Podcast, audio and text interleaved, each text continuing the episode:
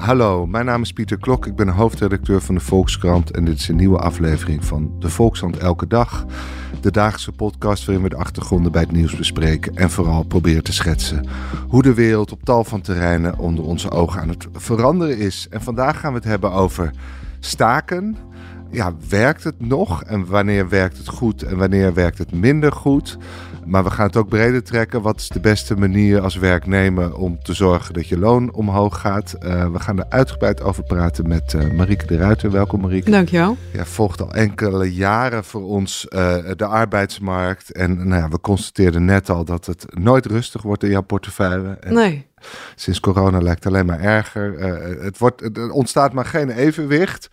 Uh, laten we beginnen bij de gemeenteambtenaren. Uh, uh, vorige week dreigden natuurlijk grote stakingen. het vuil werd in Utrecht eerder al niet opgehaald. Het dreigde zich uit te spreiden over meerdere steden. Het zou echt groot worden, die staking. En ineens was het van de baan. Ja. Hoe, hoe ging dat? Nou, zoals je al zei, het is een uh, estafetteactie geweest. Dus het is begonnen bij de stadsreiniging in Almere. Daarna was de beurt aan Tilburg, Rotterdam, Utrecht. En woensdag zouden de vuilnisophalers in Den Bosch en Maastricht het werk neerleggen. Ja, en dat kwam toch wel heel erg slecht uit voor de gemeente. Want daar hadden de inwoners net een groot volksfeest gehad. Dat we ook wel kennen als carnaval. En uh, het idee dat al die bierbekertjes en uh, oude carnavalskostuums niet zouden worden opgehaald, dat heeft ze toch genoopt tot een, uh, een beter loonbod. Dus dinsdagavond kwam ineens daar het bod van 9,1% gemiddeld voor alle 190.000 ambtenaren. En dat was, waar bleef het op hangen voorheen? Ja, dat was daarvoor was het uh, 5%. Oké, okay, dus ze hebben er één keer een fors bedrag bovenop gelegd. Ja, ja dat, uh, je kan wel zeggen dat dit een hele succesvolle staking is geweest. Want is dat veel, 9%? Hoe, hoe, hoe wordt daar nu tegenaan gekeken uh, door alle andere onderhandelaars? Ze hebben zoiets van, jeetje, als zij al 9 gaan bieden, dan wordt het voor ons wel... Nou ja, gemiddeld gezien, de loonstijging was in januari al wel vrij hoog, 6%. Dus je ziet wel echt dat die loongolf wel aan het beginnen is. Het is natuurlijk de vraag aan wie je het vraagt. Uh, want de vakbond zal zeggen, dit is niet genoeg. Nee. Als je kijkt naar wat er afgelopen jaar is gebeurd met de koopkracht, dan is dit niet voldoende uh, om, het, uh, te, om de inflatie te compenseren. Maar wat erg interessant is, denk ik, is dat het een, uh, een loonbod is dat heel erg nivelleert. Dus mm -hmm. De laagste schalen, waaronder dus de vuilnisophalers, die krijgen er 13% bij. Nou, dat is echt een forse sprong. Terwijl juist de mensen in een wat hogere schalen, nou ja, een beetje de, de kantoren-tijgers om het zo maar te noemen, die krijgen er gemiddeld uh, 7% bij. Dus dat, daarmee worden ook de loonkosten voor de werkgevers nog enigszins hanteerbaar eigenlijk. Ja. En uh, kan de vakbond wel zeggen dat ze nou ja, sowieso de, de salariskloof op de werkvloer wat kleiner hebben gemaakt. En dat ze de, de handjes, waar we toch een stuk meer waardering voor hebben gekregen afgelopen jaar, dat die uitvoerende beroepen uh, er echt een hele flinke plusprij krijgen. Ja. Want de analyse is dat, dat de hoge inflatie veel harder aantikt als je een laag inkomen hebt. Ja, absoluut. Dus ja. dan is het ook logischer om daar wat meer te compenseren. Ja, zeker. Maar jij zegt ook, het laat misschien ook zien dat onze waardering voor uh, uh, die beroepen aan het kantelen is, of aan, aan het toenemen is. Uh, van oudsher was het zo, hoe hoger de opleiding, hoe hoger het loon. Ja. Dus laaggeschoold werk werd laag beloond. Ja. Gaan we toe naar een wereld waar je ook rekening houdt met hoe zwaar werk is, om te kijken wat een eerlijke beloning is? Of...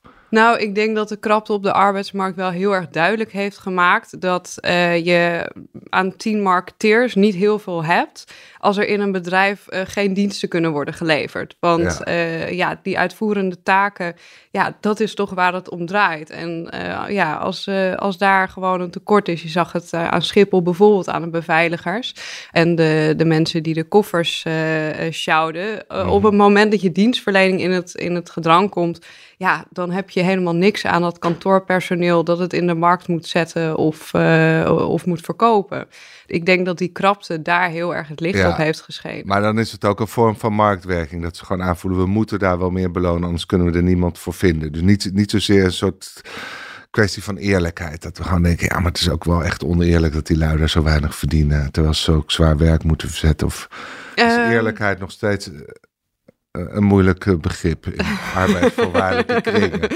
Ja, ik vermoed dat marktwerking wel echt een grotere rol heeft gespeeld. Maar ik denk wel dat uh, bedrijven, nou ja, hè, door, als er zoveel uh, personeelstekorten zijn, moet je gewoon heel goed gaan kijken met wat, is, wat zijn de essentiële functies die we moeten inkleden om door te gaan als bedrijf. Je zag het afgelopen zomer bijvoorbeeld ook aan die oproep aan kantoorpersoneel om mm. uh, bij te springen in de uitvoering. Bijvoorbeeld in het leerlingenzorgvervoer ging de planner ging ineens achter het stuur zitten. Want ja, ja ze kon wel proberen een mooie planning te maken. Maar als er niemand was om mee te rijden, ja, dan ben je kansloos. Nou, wij zelf werden opgeroepen om de krant uh, te bezorgen. Ze kunnen mooie stukjes schrijven, maar als die krant niet op de deurmat valt, dan uh, verliezen we abonnees. Nou ja, eh, NS heeft ook uh, kantoorpersoneel ingezet op, uh, op de treinen. Dus ik denk dat bedrijven daar heel kritisch naar zijn gaan kijken. Ja, of dat uit eerlijkheid is. Ze zullen het ongetwijfeld zeggen dat dat zo is. Maar ik vermoed dat het eerder ja, de nood is geweest. Maar het is in ieder geval een herwaardering. of het uit eerlijkheid is of uit noodzaak van mensen die het echte werk doen. Ja, dat vermoed ik het wel. Echte, het fysieke werk. Ja.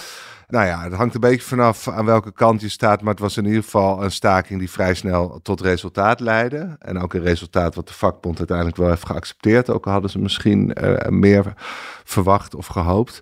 Zijn er nog meer voorbeelden van succesvolle stakingen? De laatste tijd? Als je kijkt naar de afgelopen zes weken, de FNV, grootste vakbond, die heeft eh, geturfd dat er 15 werkonderbrekingen zijn geweest, of tenminste in 15 bedrijven of bedrijfstakken. Dat heeft nu in zes gevallen tot een uh, resultaat geleid. Naast dus de ambtenaren is dat ook bij de spuitgieterijen en de drankgroothandels bijvoorbeeld, maar ook bij etels. Um, en je ziet wel dat de resultaten die daar zijn bereikt, uh, zijn heel verschillend. Bijvoorbeeld de etels, dat is een resultaat van 5%. Nou ja, Gemiddeld ja, voor het komende half jaar. Dus daarvan kun je zeggen, nou, misschien had de vakbond daar wel eventjes door kunnen gaan. Maar je ziet dat in zo'n sector, uh, ja, dat de slagkracht van de bond veel kleiner is, veel minder leden. Dus dat ze op een gegeven moment ook zich moeten overgeven en moeten denken, ja, we kunnen nog heel erg lang doorgaan, maar dat gaat waarschijnlijk niet tot heel erg veel mm. meer uh, leiden. Nou ja, er zijn uh, nog uh, zeven sectoren waar nu nog stakingen spelen. Het streekvervoer heeft aangekondigd de komende zes weken weer actie te gaan voeren. En er zijn twee cao's waarbij FNV gewoon gepasseerd is. Dus daar is een cao afgesloten met andere bonden. Met een kleinere bond. Ja. En die is dan ook wat minder gunstig. Wat minder gunstig, ja. FNV en... had gehoopt. En wat bepaalt nu of een staking succesvol is? Je zei al organisatiegraad, heel veel vakbondsleden. Maar ik kan me ook voorstellen dat sommige bedrijven eh, of organisaties meer ruimte hebben om de lonen te verhogen dan anderen. De, de, gemeentes, ja, nou ja, die krijgen in principe, denk ik, dit geld weer van het Rijk. Die zijn ja. meer geld kwijt aan de lonen, maar dat wordt volledig vergoed. Streekvervoerbedrijven hebben misschien veel moeilijker. Want die ja. zitten, uh, na corona zitten die met grote financiële moeilijkheden. En als de provincies die, die, die dat uh, vervoer aan hen aanbesteden, als die niet wat meer geld geven, kunnen ze eigenlijk geen kant op. Nee. Zie je dat inderdaad? Dat gewoon de, het ene bedrijf gewoon ook meer financiële ruimte heeft dan het andere? En, en waardoor wordt dat bepaald? Ja, ik sprak een hoogleraar die zei: staking is ook een manier om te kijken hoeveel uh, tot hoe ver je kan gaan, zeg maar, wat de werkgever te geven heeft. Dus het is eigenlijk ook een beetje een kijkje in de boeken om te kijken wat valt er eigenlijk uh, te halen. En uh, ik denk dat op het moment dat een bedrijf niet winstgevend is of verlieslatend, of in ieder geval hè, het geld niet heeft om voor zijn loonsverhogingen te betalen, ja, dan kunnen ze ook denken: prima, sta ik maar door. Ja. Dan uiteindelijk, ofwel stoppen jullie of jullie gaan weg. Maar ja, als jullie weggaan, dan vinden we wel weer nieuwe mensen. Of we hebben misschien niet die nieuwe mensen nodig, omdat het toch niet zo heel erg goed met ons gaat. Ja, dus je bent aan het aftasten wat de positie van het bedrijf is. Ja. Maar je kan altijd tegen het bedrijf zeggen: jullie kunnen toch gewoon de prijzen verhogen? Ja, er zijn natuurlijk bedrijven die dat kunnen doorberekenen. Maar net als inderdaad, als het gaat om bijvoorbeeld gemeentes, ja, zij moeten gewoon de dienstverlening blijven, uh, blijven verlenen zoals, uh, ja, zoals hun opdracht is vanuit het Rijk. Ja, en heb je nou het gevoel, in het verleden was het natuurlijk zo dat, dat staken ook uh, aanstekelijk werkte. Als dan ja. in één branche tot succes leidde, ging het in andere branche. Zie, zie je dat effect al optreden of, of blijft het toch nog een beetje in beperkte. Nee, dat zie je absoluut. Als je inderdaad, ik noemde net al, hè, 15 bedrijven of bedrijfstakken waar de eerste uh, zes weken van dit jaar is gestaakt. Normaal gesproken zijn dat er 25 over een heel jaar. Ja. Dus je ziet daar wel echt dat inderdaad dat staken heel aanstekelijk werkt. En uh, uh, nou ja, ook zo'n resultaat als wat bij de ambtenaren is gehaald, dat is wel even een opsteker voor hè, de sectoren waar al langer actie wordt gevoerd zonder resultaat. Om toch te denken, we, we blijven toch even doorgaan. Want die ambtenaren, die is het wel gelukt om dit binnen te halen. Ja, want uh, ik, volgens mij twee weken geleden hadden we de, uh, op de redactie discussie over moet er niet een, een stuk komen of het stakingswapen bot is geworden. Ja, is, is ik ben erg blij dat dat niet uh, dat weigerde jij. doorgegaan. Nou ja, maar, maar, maar wat, als we een beetje uitzoomen. Kijk, je kunt natuurlijk zeggen van, uh, uh, nou ja, misschien gaan we naar een wereld toe waar uiteindelijk werknemers wat meer met hun voeten stemmen. Mm -hmm. Dus zich niet zozeer via vakbonden organiseren en via uh, staking hun zin proberen te krijgen, maar gewoon als ze niet bevalt, gaan ze gewoon ergens anders werken. Ja.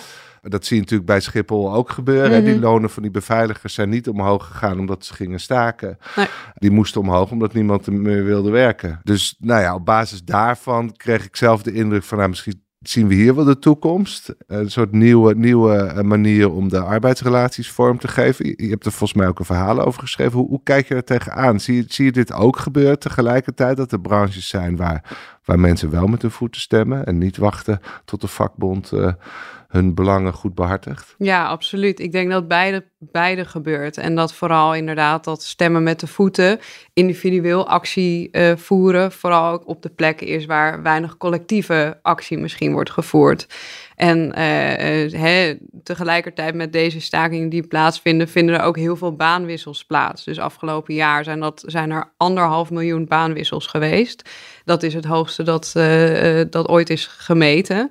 Dus je ziet wel dat uh, mensen die inderdaad denken, nou ja, enerzijds de koopkracht wordt uitgehold, maar ook, en dat is een ander thema dat ook bij de stakingen heel belangrijk is, is die werkdruk die ontzettend voor heel veel werkenden heel erg hoog ligt. Ja. Dat dat een manier is om je eigen arbeidsvoorwaarden te creëren. Door gewoon op te stappen en je ofwel te laten inhuren als ZZP'er of ergens anders een baan uh, uh, te vinden. En ik ja. denk wel dat dat uh, zeker in tijden van schaarste een heel krachtig wapen kan zijn. Ja. Maar dat is inderdaad wel alleen op het moment dat er arbeid schaars is. Want anders ja, valt er weinig te wisselen. Ja. Waar treden die baanwissels het meeste op? Waar veranderen de meeste mensen van baan? Is dat inderdaad in sectoren waar de krapte het grootst is? Dus ja, de zorg, de zorg het onderwijs, uh, ICT, dat zijn met name de beroepen waar heel veel baanwissels plaatsvinden. En ook waar je dus heel erg groot, uh, heel goed terugziet dat het aantal ZZP'ers daar ontzettend aan het toenemen is. Ja, want dan kan je ineens zelf je vakantie indelen. Je verdient in veel gevallen meer per ja, uur. Het is, het is het, de ultieme marktwerking natuurlijk. Uh, als je arbeid schaars is, kan je ontzettend hoge tarieven vragen. En ja, net als in het ziekenhuis, de nachtdiensten. Er zijn weinig mensen die zeggen, doe mij dat maar. Of de weekenddiensten. Nou ja, het onderwijs kun je als ZZP'er lekker de av ouderavond over, overlaten aan je collega's die in loondienst zijn. Dus je kan je eigen, je eigen baan eigenlijk maar dat, is dat geen groot gevaar? Dat is een ontzettend groot probleem. Dat denk ik zeker. Voor de individuele werkende is dat natuurlijk geweldig. Ja. Uh, je kan zelf bepalen wanneer je werkt en voor wat voor tarief uh, je werkt. Maar voor het grotere geheel is dit een ontzettend groot probleem. Omdat uh, het, het, brengt extra kosten met zich mee.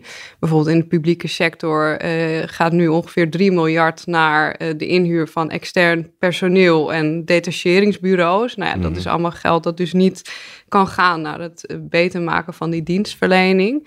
Nou ja, je hebt ook nog het probleem dat heel veel ZZP'ers natuurlijk geen sociale zekerheid uh, uh, opbouwen. Dus mm -hmm. uh, met pensioen zit je, maar ook met arbeidsongeschiktheid, waar zij niet voor verzekerd zijn. Ja, plus dat je inderdaad, uh, de roosters worden voor mensen in loondienst daardoor zo onaantrekkelijk. Ja, dus het, het, wordt nog aantrekkelijker om zelf ook ZZP'er te worden. Exact. Want als jij een van die sukkels bent die nog gewoon in vaste dienst bent, dan moet je alleen maar meer weekenddiensten gaan draaien, omdat ja, die ZZP'ers om... daar niet meer aan meedoen. Exact, ja. ja. Maar goed, jij, jij, constateerde ook al in een van je stukken dat het eigenlijk bij deze uh, CAO-onderhandelingen, ja, het gaat natuurlijk over het loon en, en door de inflatie is dat ook een heel belangrijk onderwerp, maar het gaat in heel veel gevallen vallen ook over werkdruk. Er lijkt toch in Nederland een soort algeheel gevoel van... we vinden het te zwaar. Ja, ja. Ja, dat is natuurlijk ook het gevolg van die arbeidsmarktkrapte. Dus omdat er zoveel personeelstekorten zijn, moeten minder mensen meer werk uh, verzetten. Mm -hmm. zitten ook nog steeds daardoor met een hoog ziekteverzuim. Dus doordat mensen uh, een hoge werkdruk ervaren, worden ze uh, sneller ziek. Nou ja, als er meer zieken zijn, zijn er nog minder mensen. Dus wordt de werkdruk nog hoger. Dus we ja. zitten eigenlijk in een soort visieuze cirkel. waarin inderdaad de, de, werkdruk die we ervaren steeds, steeds hoger wordt. Ja. En nou ja, dat, ik bedoel, dat verschilt ook per sector. Bijvoorbeeld in, de, in het OV. Uh, speelt dan mee dat er ook uh, aanbestedingsprocedures zijn, waardoor nou ja, de werknemers daar zeggen: hè, alle lucht is uit de dienstregeling gegaan. We moeten eigenlijk op het moment dat we de bus opstarten, lopen we al min of meer achter op de dienstregeling. Nou ja, je hebt bijvoorbeeld in de publieke sector heb je een onwijs hoge administratieve last. een derde van de tijd gaat daarop aan administratie.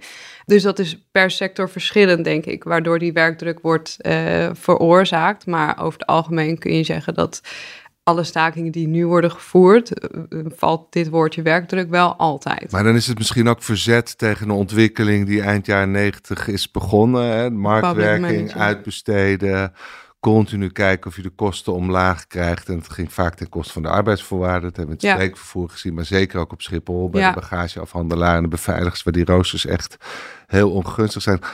Dus het kan gewoon dat, dat daar nu op een bepaalde manier dat mensen zeggen, ja, tot, tot hier en niet verder. Ja, omdat de macht natuurlijk ook aan de werknemer is. Dus we komen uit decennia waardoor dankzij de babyboom-generatie was arbeid altijd in hele grote mate aanwezig. Dus ja, voor jou tien anderen. Ja. En uh, ja, je ziet nu dat die rollen aan het omdraaien zijn. Was de werkgever eerst degene die het voor het zeggen had. En die inderdaad, hè, als je kijkt naar het deel van de, uh, van de omzet dat naar uh, kapitaal gaat en naar arbeid, is, altijd, is de afgelopen tijd ten faveur gekomen van de aandeelhouders. Ja. En ja, je ziet nu gewoon dat arbeiders dat niet meer echt pikken. Ja. Maar dat is op zich wel een verheugende ontwikkeling, zou je kunnen zeggen. Nou ja, het andere is natuurlijk het managersdenken, wat, wat ook sinds de jaren negentig. En managers die proberen te controleren, die proberen ook de kosten naar beneden te krijgen met hun spreadsheets en zo. En mm -hmm. daar, die administratie is daar natuurlijk voor een groot deel uit voortgekomen. Ja. Heb je een sector als de thuiszorg natuurlijk heel erg gezien dat mensen heel erg precies moesten vertellen wat ze allemaal deden. Ja ook daar, uh, ja, nu, nu, het personeel dit voor het zeggen krijgt, wordt er eigenlijk, ja, krijgen, krijgen al die managers in één keer heel moeilijk, moeten die ook misschien anders gaan denken. Ja, nou ja, dat zie je dus op sommige plekken echt al wel gebeuren. Uh, ik ben nu bijvoorbeeld bezig met een verhaal over uh, de thuiszorg. De thuiszorg is een branche die er mee weg kon komen, dat je vijf keer per week op moest komen draven. Dus mm -hmm. s ochtends en s avonds weer een dienst, maar een contract had van 20 uur omdat je eigenlijk alleen hoefde op te draven op het moment dat het goed uitkwam. En dat was om s ochtends die cliënten uit bed te halen mm -hmm. en s'avonds weer naar bed te brengen. Ja, dat is ontzettend onprettig natuurlijk. Want dat ja. betekent dat je s ochtends vier uur werkt en dan s'avonds weer drie uur. En dat je dan uiteindelijk onder de streep zeven uur hebt gewerkt, maar wel de hele dag bezig bent geweest met je werk. Dus morgens vroeg tot s avonds laat ja. zelfs, ja. Dat is heel prettig voor degene die die diensten afnemen en ook voor de werkgever, want hij hoeft je niet te betalen op het moment dat jij niet iets doet uh, mm -hmm. dat heel erg productief is. Uh, maar voor de werknemer is dat heel onprettig. En je ziet dus nu als gevolg van die ontzettende personeelstekorten daar, dat ze heel erg aan het kijken zijn naar, nou, ik ben bij een zorginstelling geweest die aan het kijken is van hoe kunnen wij zorgen dat er dus minder contactmomenten zijn. Dus dat mm -hmm. iemand bijvoorbeeld drie dagen werkt, maar wel drie keer acht uur. Nou ja, en dat uh, uh, vraagt iets van de roosteraar, maar het vraagt ook iets van natuurlijk de consument of cliënt. Dat op het moment dat je uh, stoma of je verband vervangen moet worden, dat kan dus niet meer om acht uur s ochtends, nee. maar om twee uur s middags. Maar goed, werkgevers hebben altijd één uitweg. Hè? De, de, de, de eerste branche in Nederland waar Nederlanders niet meer wilden werken, namelijk de tuinbouw in het Westland. Daar gingen ze gewoon mensen van buiten halen. Ja, ja. Dat is natuurlijk een manier om het te omzeilen. Zou dat in de thuiszorg ook kunnen gebeuren? Of, of de buschauffeurs, dat de buschauffeurs straks uit Polen komen, want die zijn nog wel bereid om tegen dit soort arbeidsvoorwaarden te werken? Ja, dat kan heel goed. Je ziet in de zorg dat er al experimenten worden gedaan met Filipijnse verpleegkundigen. Maar ook daarvan, ik bedoel, we hebben niet alleen een tekort aan arbeidskrachten, maar ook een groot tekort aan woningen bijvoorbeeld. Daarvan heeft bijvoorbeeld de arbeidsinspectie al gezegd van dat moeten we niet doen. Dat is niet de route die we in moeten gaan. Ja, want, we zorgen nu al heel slecht voor immigranten. Ja. Slechte huisvesting, slechte arbeidsvoorwaarden ook ja. uh, vaak. Dus, dus oké. Maar goed, hoeven werkgevers zich niet aan te houden natuurlijk. Nee, maar uh, de gemeenten kunnen wel zeggen van nou, nog een distributiecentrum bouwen in Budel. Uh, ik dacht het niet, want wij hebben hier helemaal geen woningen. Dus op die manier kan de overheid daar natuurlijk wel iets aan doen. Oké, dus in het gunstigste scenario worden de arbeidsvoorwaarden aan de onderkant, maar ook elders gewoon echt structureel verbeterd in deze golf. Ja. Wat verwacht jij de komende tijd nog? Want het streekvervoer die, die staken dapper door. Ja, uh, maar die bedrijven hebben nog steeds heel weinig ruimte. Uh, ziekenhuizen, zeg ja, je? ziekenhuizen gaan, uh, gaan staken. Dus ik verwacht dat er nog wel het een en ander aan arbeidsonrust zal worden. Ja, en in de ziekenhuizen, die, daar speelt heel erg zoals wat jij net schetste. Dus, dus heel veel mensen die ZZP'er worden, waardoor de achterblijvers steeds zwaarder worden belast. Ja, zeker. Goed, nou blijf het voor ons volgen. En, uh, Ga ik doen. hopelijk, uh, zodra er nieuwe ontwikkelingen uh, zijn te melden, dan hebben we je graag terug. Dankjewel. en u luisteraar, dank voor het luisteren naar deze aflevering van de Volksstand Elke Dag. Morgen zijn we er weer. Graag tot dan.